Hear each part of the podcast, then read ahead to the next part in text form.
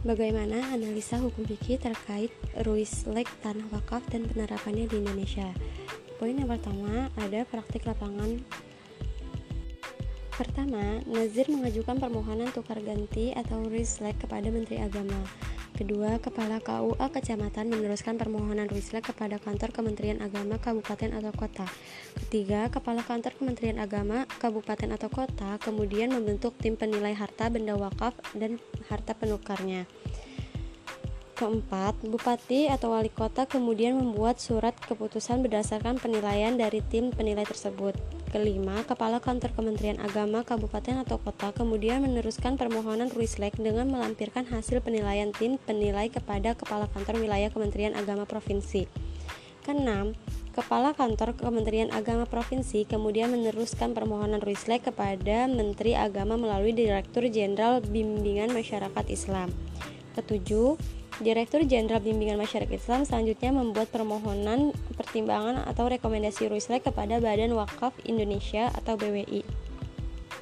BWI BWI kemudian meneliti kelengkapan dokumen-dokumen Ruislek dan merapatkannya dalam suatu rapat pleno.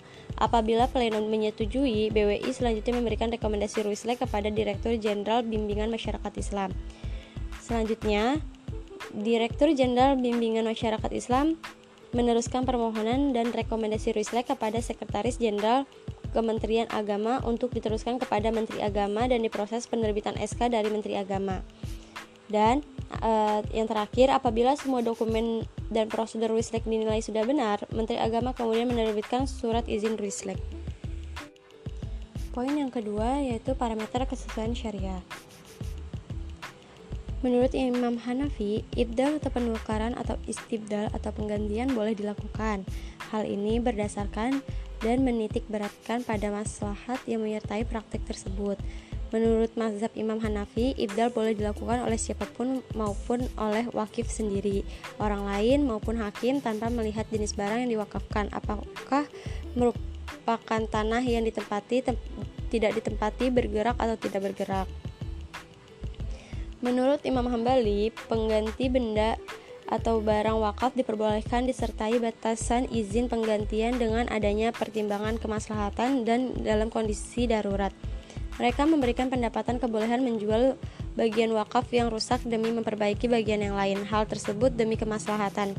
Ketiga, menurut Imam Maliki, penggantian barang wakaf tidak diperbolehkan, akan tetapi pada kasus tertentu diperbolehkan.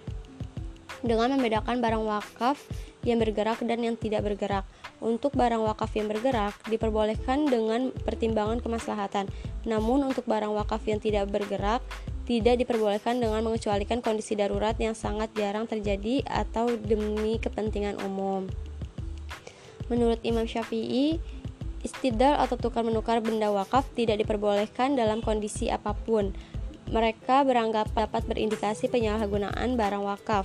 Akan tetapi, terdapat dua kelompok yang dibahas yakni pertama, kelompok yang melarang penjualan barang wakaf dan atau menggantinya.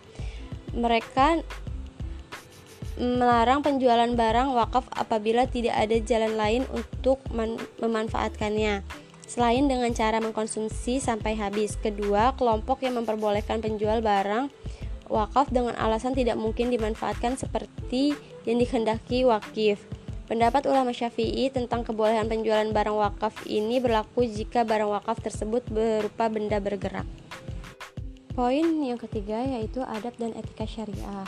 Di sini adab dan etika syariahnya itu harus amanah, jujur, bertanggung jawab, dan menjaga barang wakaf itu sendiri.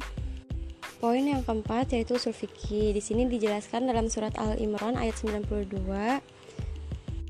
Menurut Said Sabik, artinya wakaf adalah menahan harta dan memberikan manfaatnya di jalan Allah.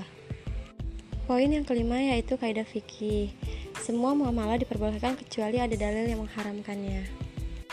Selanjutnya, poin yang keenam ada makasih syariah. Menjaga harta, maka melestarikan tanah wakaf merupakan aspek maslahat doruriyat agar tanah yang diwakafkan menjadi produktif.